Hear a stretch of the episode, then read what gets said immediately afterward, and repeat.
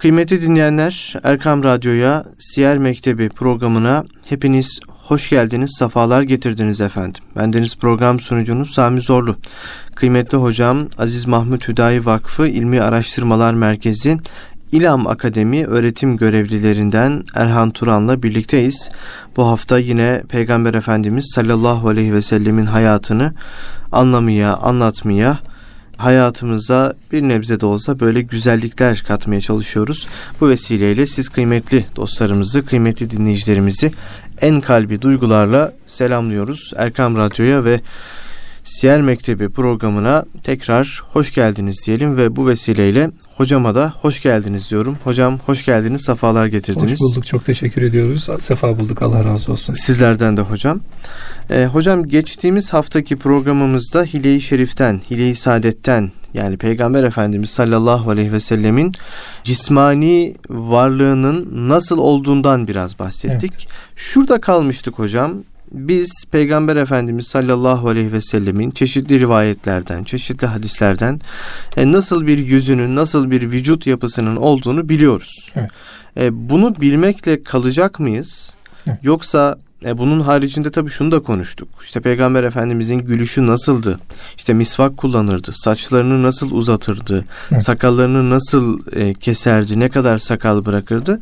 Nasıl giyinirdi? Bunlardan da biraz bahsettik. Bir Müslüman olarak bunları yapmak yeterli olacak mı? Bunun devamında bir Müslüman o kalbi kıvama nasıl erecek? Yani Peygamber Efendimiz sallallahu aleyhi ve sellemin o halinden kendine nasıl bir pay çıkartacak? Burada kalmıştık hocam. Buradan devam edelim. Buyurun. Bismillahirrahmanirrahim. Ve bihi nesta'in ve salatu ve selamu ala Resulina Muhammed ve ala alihi ve ashabihi ecma'in. Ve ba'd. Şimdi e, geçtiğimiz derste biz Efendimiz Aleyhisselatü Vesselam'ın zahir e, olarak ve batın olarak nasıl şekillendirildiğini biraz rivayetlerden örneklerle anlatmaya söylemeye çalıştık. Hı hı. Burada Efendimizin dış görünüşünün nasıl olduğuna kısaca biraz değindik. E, ardından da tabii Efendimizin hem kalbi hem ahlaki hallerinin olduğunu, işte onun öfkeli halinin nasıl e, zuhur ettiğini ve nasıl sükunete erdiğini, yine Efendimiz Aleyhisselatü Vesselam'ın bir takım hallerde kendisi için e, yaşadığı e, hallerle başka İslam için, din için yaşadığı hallerde nasıl olduğunu, ev halini vesaire mescit halini, insanlarla olan ilgilenmelerini, bazı sıkıntılı hallerde Efendimiz Aleyhisselatü Vesselam bunlara nasıl bir karşılık verdiğini, yani onun güzelliğini, heybetini, nuraniyetini, letafetini, Efendimiz Aleyhisselatü Vesselam'ın Allah'ın peygamberi olmasına dair ne varsa bununla alakalı e, bir takım haller gördük. Yani hiçbir icazı, mucizesi de olmasa Resulullah sallallahu Vesselam'ın biraz önce saydığımız hususiyetleri göz önüne alındığında peygamber olmaklığını zaten onun teyit ettiğini açıkça görmüş olduk. Evet. Tabi buradan nasıl istifade edeceğiz? Sadece bunları okumak, sadece bunları hayal etmek ya da göz önümüzde varmış gibi tutmak yetiyor mu? Bununla alakalı biraz konuşmak lazım. Ayet-i kerimede estaizu billah لَقَدْ كَانَ لَكُمْ ف۪ي رَسُولِ اللّٰهِ اُسْوَةٌ حَسَنَةٌ لِمَنْ كَانَ يَرْجُ اللّٰهُ وَالْيَوْمَ الْآخِرِ وَذَكَرَ اللّٰهَ كَثِيرًا buyuruluyor Ashab suresinde. Ee, burada Allah Resulü Aleyhisselatü Vesselam'ın üsve-i hasene olması, en güzel örnek olması bir mümin için e, önem taşıyor. Tabi burada limen kâne yarcullaha vel yevmel ahir kısmı çok önemli. Yani Allah'a ve ahiret gününe kavuşmayı umut edenler için örnek var. Demek ki Resulullah Aleyhisselatü Vesselam'ı biz kendimize örnek olarak alacağımız zaman sadece bir zahiri örneklik değil, asıl olan imani, İslami ya da ihsani diyebileceğimiz bunun da ahirete taalluk eden taraflarıyla birlikte örneklendirmek gerekiyor. Yani peygamberi sadece bir e, şeklen e, gözle hayal etmek değil, Efendimiz Aleyhisselatü Vesselam'ın o şeklin imana dönüşünün nasıl olduğu, kalben imana nasıl döndüğü, amel olarak Efendimizin İslam'ı işte namazı nasıl kıldığı, orucu nasıl tuttuğu sadece bir şekil olarak e, aç kalma faaliyeti olmadığını biliyoruz mesela orucun. Bunun mahiyetine de inmek gerekiyor. Orucu şimdi kurban da böyle. Ayeti kerimede işte onların etleri ne de kanları bize ulaşmaz. Takvası ulaşır diyor ayeti kerime. Evet. Oradaki takvayı ne karşılıyor? Biz bunları Efendimiz Aleyhisselatü Vesselam'ı e, bakarak, örnekleyerek, görerek anlamaya çalışıyoruz. Yani Cenab-ı Hakk'ın kabul verdiği kulluğun budur örneği Efendimiz Aleyhisselatü Vesselam. Yani bizim Cenab-ı Hakk'ın kulu olabilme.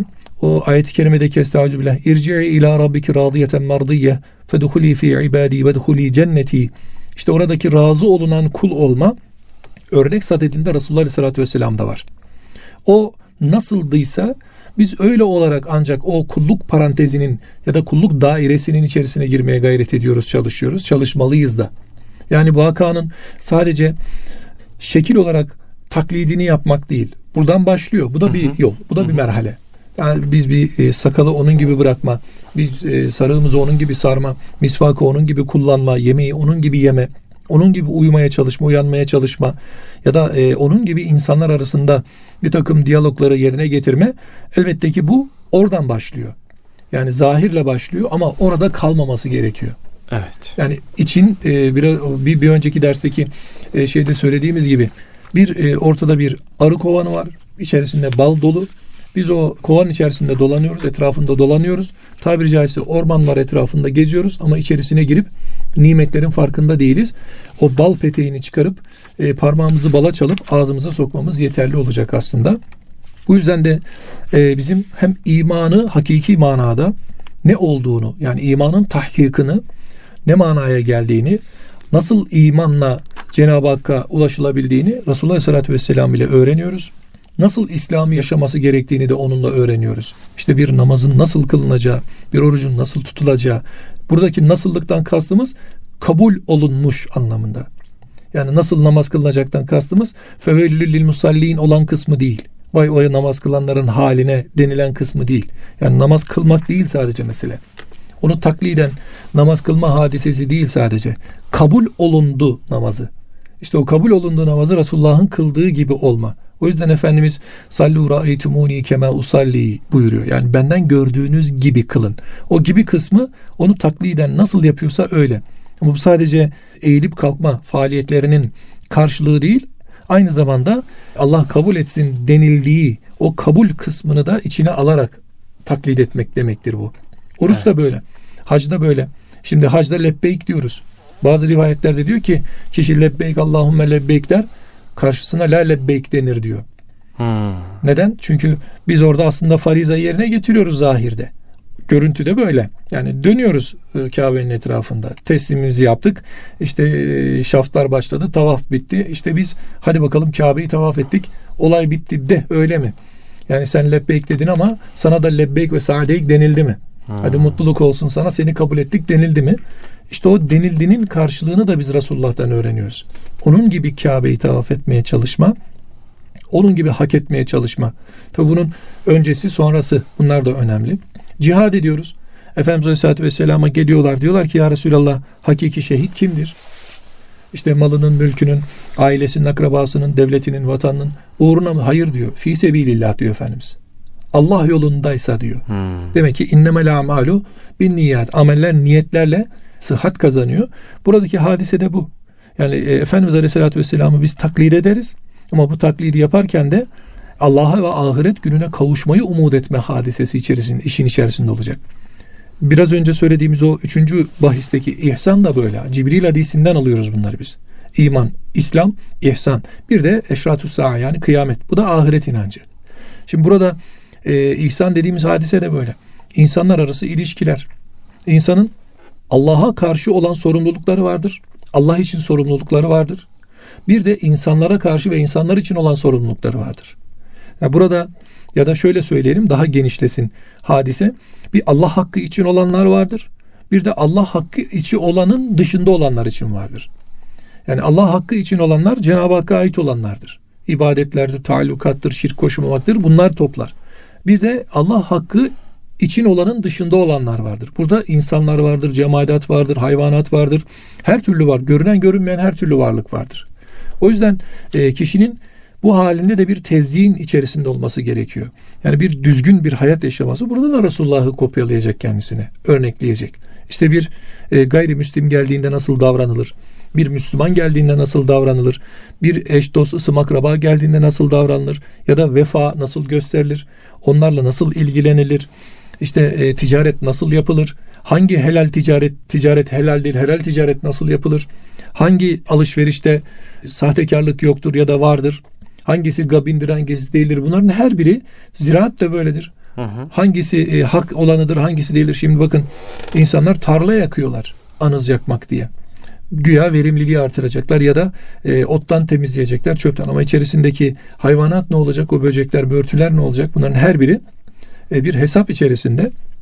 O yüzden insanın bu hali yaşamak için e, tabi peygamberden hisse alabilmek için nasibinin olması için Allah ve ahirete e, buradaki e, imanı esastır. Yani kişinin e, Allah'a ve ahirete olan imanı ne kadar kuvvetliyse dünyadaki karşılığı da o kadar kuvvetli oluyor bunun.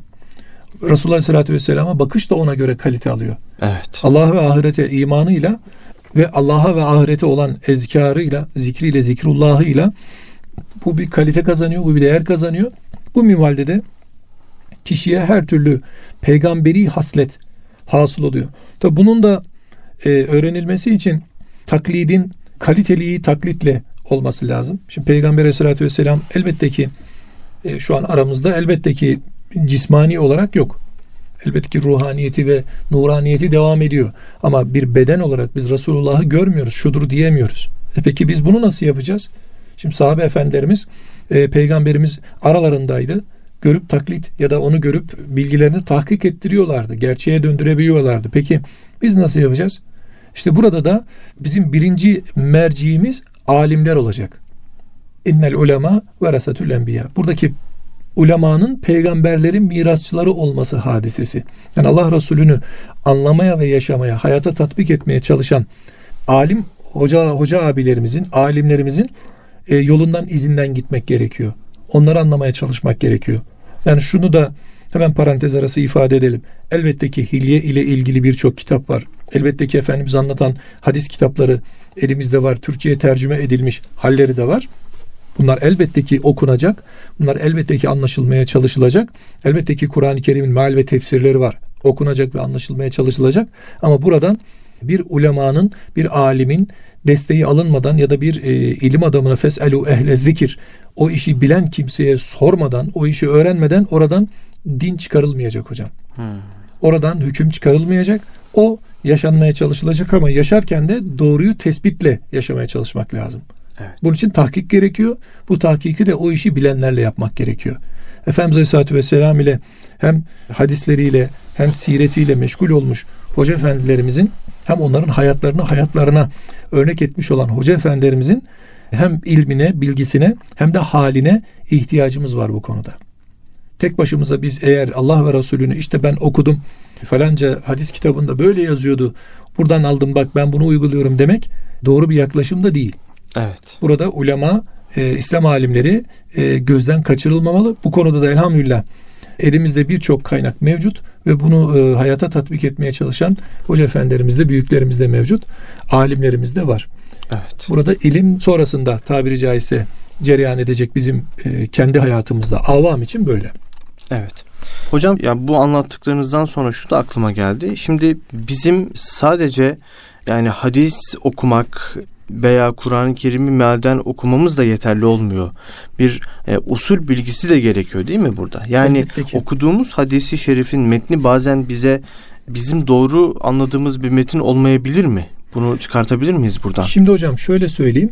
İş hadis özelinde bakıldığında yani Hazreti Peygamber'i anlatan rivayetler ve hadisler özelinde bakıldığında Efendimiz Aleyhisselatü Vesselam'dan nakledilen rivayetler var. Hı hı.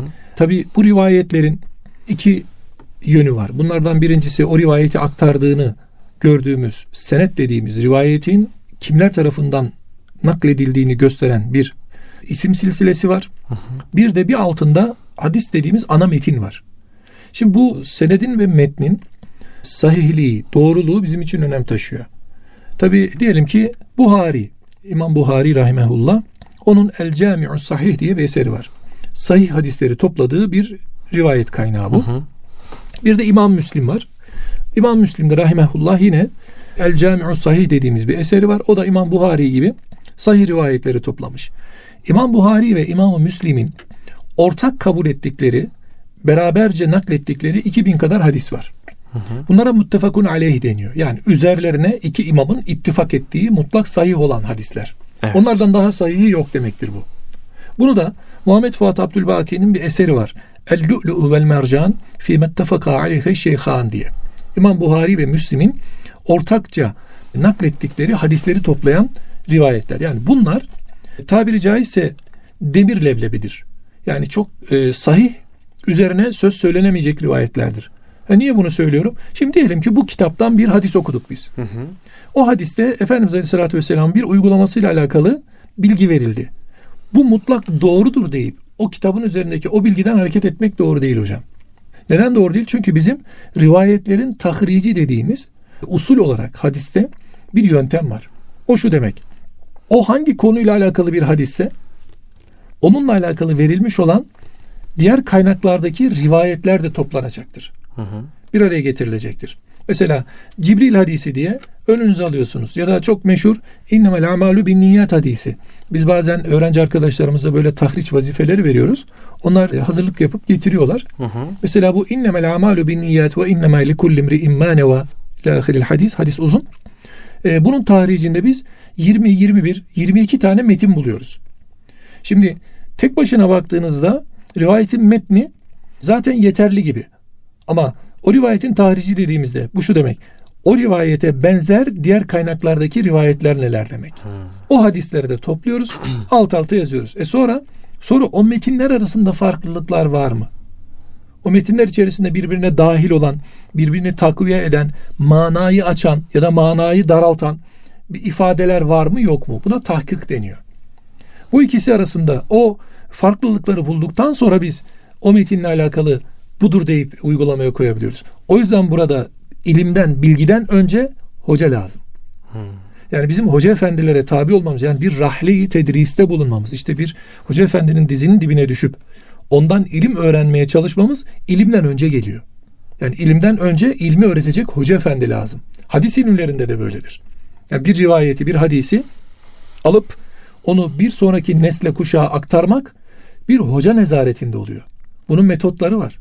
Hadis eğitimi öğretim metotları var. Sekiz ayrı başlığı var bunun. Bunun başında mesela duyarak Hoca Efendi'den duyduklarını öğrenip ezberleyip tekrar hocasına onu öğre, öğrendiğini gösterip tekrar ederek nakli alma meselesi. Bunlar bunların her biri bir ilmi disiplin içerisinde, bir edeb içerisinde oluyor.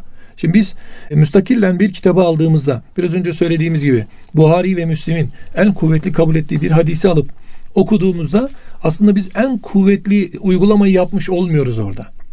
Hadisin kendisi en kuvvetli. Hı hı. Ama uygulaması en kuvvetli mi? Onun için ne yapmamız gerekiyor? O rivayetin diğer kaynaklardaki metinlerini toplayıp bir araya getirip bir yekün oluşturmamız gerekiyor. Sonra hepsine topluca bakmak gerekiyor. Evet. Ardından İslam alimleri, hadiste çalışan İslam alimleri ve fıkıh üreten, fıkıh hadis dediğimiz kendi alanımızda özelde bir de fıkıh boyutu var işin. Yani fıkıh ortaya koyan, hüküm ortaya koyan İslam alimleri de bunları yaparak hüküm ortaya koyuyor. Evet, hadislerden yola çıkarak. Hadislerden yola çıkarak. yola çıkarak. Yani ben bir hadis duydum, o da böyledir, din budur demiyor hiçbir İslam alimi. Biz de şunu yapacağız hocam. Bu anlattıklarınız tabii ki de bu işlerle uğraşan sizler, e, alimlerimiz, hocalarımız yapıyor. Evet. E, biz de bir hadisi şerifi o zaman bir hocamızdan dinleyeceğiz. Elbette. Bir hadisi şerifi duyduğumuzda ya hocam bu hadisi şerif bize ne anlatıyor? Evet. İşte kişi sevdiğiyle beraberdir. Ameller niyetlere göredir ama Hı. bu hadis metninin Peygamber Efendimiz sallallahu aleyhi ve sellemin söylemiş olduğu bu hadisi şerifin birçok arka planı var. Evet. Biz bunu da hocalarımızdan, ilim adamlarımızdan veya işte Erkam yayınlarından da çıkan bir hadis evet. külliyatı var. Evet. Ee, Riyazu Salih'in evet. açıklamalı hadis kitaplarından bunları öğrenmiş ki. olacağız ki, ki o hadis bize tam manasıyla ne açıklıyor Elbette veya. E, işte o ayeti kerimeyi tefsiriyle birlikte okuduğumuzda o ayeti kerime bize ne vermek istiyor onu böyle evet. okuyarak değerlendirmek lazım değil Tabii mi? Bu değerlendirme ve hayata tatbikle Hı-hı. kalacak hocam. Buradan din çıkarmaya çalışmayacağız. Burası çok önemli. Yani e, elbette ki biz bir e, hadisi mesela Riyazu Salihinden işte biz o hoca efendilerimizin izahıyla hadisten öğrendiklerimizi neticeleri görürüz. Bunları kendi hayatımıza tatbik etmeye çalışırız. Mesela Riyazu Salih'in bu konuda adı üzerindedir yani salih olmayı öğretir bize. Hı hı. Salih olmayı, güzel insan olmayı öğretir. Orada çok fazla bunun sıkıntısını yaşamayız. Ama sair kitaplara gittiğimizde, başka yerlere gittiğimizde, başka hadisler şu an e, biliyorsunuz sosyal medya denen kontrolsüz bir şey var elimizde kontrolsüz. Orası kontrol edilemiyor. Evet. Bugün ne kendimize olumlu manada bir kontrol tutabiliyoruz ne de olumsuz manada. Yani ne fuhşiyatını kontrol edebiliyor, edebiliyorsunuz ne de hayriyatını kontrol edebiliyorsunuz. Böyle bir medya söz konusu. Hı hı. Ee, orada birçok peygamber haşa konuşturuluyor. Bakıyorsunuz Efendimiz Aleyhisselatü Vesselam'dan isime özel yani bir sürü rivayet naklediliyor ya da hadis izafe ediliyor. Birçoğunun uydurma olduğunu görüyorsunuz. Ya da bir efendinin sözünün altına yazıldığını görüyorsunuz. Ya da kendisinin yazdığını görüyorsunuz. O yüzden bize bu konuda düşen e, özellikle ihtiyatlı böyle e, kendini dikkate vermiş olan Müslümana düşen bu tür rivayetlere itibarı ehline sormadan, dikkate almadan değerlendirme yapmamaları. Yani o rivayet var mı yok mu? Hı hı. Bazen görürüz. Yazar mesela Buhari ilim 5 yazar kitabın altında ya da rivayetin altında. Onu da gidip oraya orada görmek lazım var mı yok mu diye. Evet. Mesela geçenlerde bir arkadaşımız bir soru gönderdi bana. E, hocam şöyle bir rivayet var diye. Ben rivayetin tercümesini göndermişti bana. Orijinaline gittim baktım Arapçası nedir karşılığı diye. Müslim'de geçen bir hadisti. Hadisin metnini buldum. O tercüme edilen metinde bir ifade var. O ifade metinde yok. Hı. Onu o hadisi anlamaya çalışan kimse tercümesini yapan oraya koymuş. O ifade Efendimizin ifadesi değil. O ifade o şahsın ifadesi ama öyle kilit bir kelime ki hadisin manasını değiştiriyor. Hı. Çok kilit bir yere koymuş o kelimenin tercümesini. Öyle anladığı için belki de. Evet öyle anladığı için ya da anlamlandırmaya çalıştığı için. Burada ben biraz kasıt da arıyorum aslında. Hı. Yani elbette ki biz e, tercüme yaparken hata yapabiliriz. Elbette ki yanlış anlayıp yanlış ifadelendirebiliriz. Bu her insanın üzerinde olan bir şey yani bir sorumluluk ama e, bu rivayetlerin şerhleri var, açıklamaları var. Bunlar için yapılmış olan bir sürü çalışma var. Orada sebebi vürut denen yani hadisin söylenme sebebi nedir? Ne karşılığında söylenmiştir bize anlatan yerleri var bunun. Onun için o kitaplara, o ilim adamlarına, o ilme ya da işte o alimlere itibar edilmesi lazım.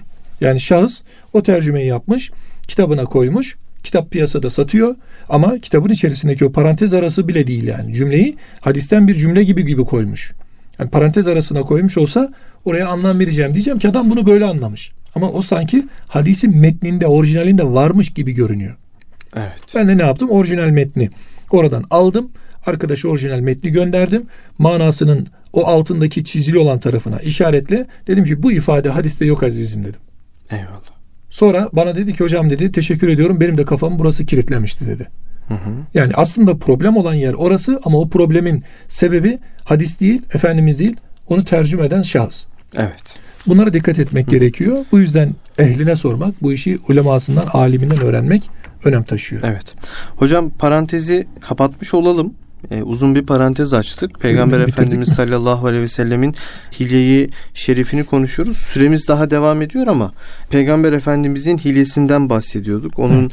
cismaniyetinden Evet. bahsettik. Ee, cismaniyetini biraz daha kalbi hayatımıza nasıl taşıyacağız onu bahsetmiş olduk. Başka daha neler var hocam? Peygamber Efendimiz'i biz Peygamber Efendimizin hangi yönlerini biliyoruz e, hadislerden, rivayetlerden? Şimdi Efendimiz Aleyhisselatü Vesselam'ın e, karşılaştığı bir takım olaylar var. Mesela Efendimizin insanlarla olan karşılıklı diyalogları çok önemli. Hı hı. Günümüzde maalesef kaybettiğimiz hasletlerden birisi bu. Kaybediyoruz belki de yavaş yavaş gidiyor. İnsanlara karşı o letafeti, bir kere fuzuli söz konuşmaması, söz söylememesi. Hı hı. Hatta men kâne yu'minu billahi vel yevmil ahir felyekul hayran ev liyasmut dediği uzunca bir rivayet var. Orada kişi eğer Allah'a ve ahiret gününe iman ediyorsa ya hayır söylesin ya sussun tarzında. Yani mala yani konuşmuyor Efendimiz Aleyhisselatü Vesselam. Boş Hı hı. şeyler, boş sözler söylemiyor, konuşmuyor. Bunlardan uzak kalıyor. Dedikodu kesinlikle hayatında yok Efendimiz Aleyhisselatü Vesselam'ın ve insanların aklına göre hitabı var. Yani bizler e, onun o yumuşak, o mülayim halini, onun mütevazi halini, onun gülmesinde de üzülmesinde de bir itidalinin olduğunu, bir adalet halinin olduğunu, aşırı olmadığını Efendimiz Aleyhisselatü Vesselam rivayetlerinde görüyoruz. Bir diğeri ilk başta Efendimizin karşısına gelen bir kimsede böyle bıraktığı bir heybet var. Yani insanlar onunla karşılaştığı zaman önce bir tedirgin oluyor. Acaba şöyle bir ürperti geliyor kendisine ama kendisini tanıyınca, onu öğrenmeye başlayınca onun kalbindeki o muhabbeti daha da görüp ona meftun oluyor. Onunla beraber hallenmeye başlıyor. İnsanlara olan özellikle muameleri, onun hürmetkarlığı, onun e, insanlara karşı cömertliği, kendi elinde olanı onlara ikram etmesi, yedirmesi, içirmesi, e, yine sözünde durması, hatta bir hadise vardır. Şöyle anlatılır Efendimiz Aleyhisselatü Vesselam bir genç borçlanmış. E, falan yerde efendim demiş. Efendimiz Aleyhisselatü Vesselam gelmiş. Genç unutmuş. Hı hı. Birkaç gece de beklemiş Efendimiz onu orada. Ertesi şeyde gelip görünce ya Resulallah siz burada mıydınız dediğinde anlamış tabi yaptığı hatayı özür de dilemiş. Efendimiz eh bize de zahmet verdin demiş. Hmm. Yani onu böyle ne kınama ne bağırma çağırma ya sen beni beklettin bu kadar saattir utanmıyor musun falan böyle bir tevbih kınama ya da aşağılama hakaret vari değil. Ona yine öğretir bir halde ders vermesi yani gazap halinde öfke halinde tutması ve yönetmesi hali var. Yalnız Efendimiz Aleyhisselatü Vesselam kendisiyle alakalı olan şeylerde bu gazabını öfkesini tutuyor. Yani İslam'a, hmm. Allah'a, Kur'an'a ya da nübüvvet makamına bir hakaret varsa o zaman e, beddua dahi ediyor. Bunu biliyoruz bir İrmaune'de Reci vakalarında göreceğiz inşallah. Onlar gelecek. Hı hı. Medine döneminde okuyacağız. Orada 70 şehit verildiği zaman bir tarafta 10 şehit verildiği zaman Efendimiz Aleyhisselatü Vesselam kudutla sabah namazı sonrası beddua ediyor. Evet. Ama Taif'te bir şey demiyor. Ama Taif'te bir şey demiyor. Neden? Çünkü şahsına evet. yapılmıştı. Ya Rabbi onlar bilmiyorlar demişti. Öbür tarafta İslam'a e, pusu kurma vardı. Evet. İslam'a hakaret vardı. Efendimiz bunu e, affetmiyor. Ev hali var Efendimizin. Yine evinde ailesine karşı bir anne olma, bir baba olma, bir ebeveyn olma bizim anlayacağımız manada hı hı. bir evlada baba olma nasıl olunur? Resulullah Aleyhisselatü Vesselam'da biz açık açık e, bunu görüyoruz. Hatta e, Efendimiz Aleyhisselatü Vesselam gününü bölüyor. Bir kısmını ibadete ayırıyor. Bir kısmını ailesine ayırıyor. Bir kısmını da şahsi işleri varsa ama kendisiyle alakalı olan şahsi olan işlerinde genelde insanların işleriyle ilgilenerek ayırıyor. Yine namazdaki halleri var. Mescitte duruşu, oturuşu, kalkması hali var. Ee, insanlarla ilgilenmesi meselesi var. Resulullah Aleyhisselatü Vesselam'a baktığımız zaman Beşik'teki e, çocuktan mezara gidecek olan ihtiyara kadar toplumun en avam olan en alt tabakasında her kimse o kölenin alacağı ta toplumun en üst makamındaki efendiye kadar yani riyaset makamındaki şahsa kadar devletin başındaki adamdan e, komutasına kadar herkesin alacağı bir pay bir hisse var. Yeter ki Allah'a ve ahiret gününe kavuşmayı e, umsun kafasında öyle bir planı olsun bir insan. Eyvallah. Allah razı olsun hocam. Cümlemizden inşallah hocam. Vahyin tekrar başlaması konusuna gelmiş olduk. Şimdi bir kez daha hatırlatmış olalım. Biz bu programımızı muhterem büyüğümüz Osman Nuri Topbaş Hoca Efendi'nin iki ciltlik Hazreti Muhammed Mustafa sallallahu aleyhi ve sellem adlı kitabından e, devam ettiriyoruz. Biz bir vahiy konusuna başlamıştık hocam. Evet. İlk vahiy gelmişti. E, o fetret döneminde de Peygamber Efendimizin işte evlatlarını e, bir takım yaşantısını, hile-i saadetini vesaire konuştuk. Vahyin tekrar başladığını e, kitabımız e, bu sayfalarda, bu bölümde tekrar e, başladığını bildiriyor ve vahyin tekrar başlaması konusuna geçiyor. E, önümüzdeki haftadan itibaren de inşallah o konuyla inşallah. devam etmiş olacağız hocam. İnşallah hocam. Çok çok teşekkür ediyoruz. Biz teşekkür ediyoruz hocam. İnşallah istifadelerimiz olur. Amin. Allah razı olsun. Kıymetli dostlar, değerli dinleyenler, Erkam Radyo'da Siyer Mektebi programının bu haftalıkta sonuna geldik. Haftaya yine kıymetli hocam Erhan Turan'la birlikte Peygamber Efendimizin hayatını anlamaya, anlatmaya, hayatından hayatımıza güzellikler katmaya, Peygamber Efendimizin halini halimiz edinmeye gayret edeceğiz. Hoşçakalın. Allah'a emanet olun efendim.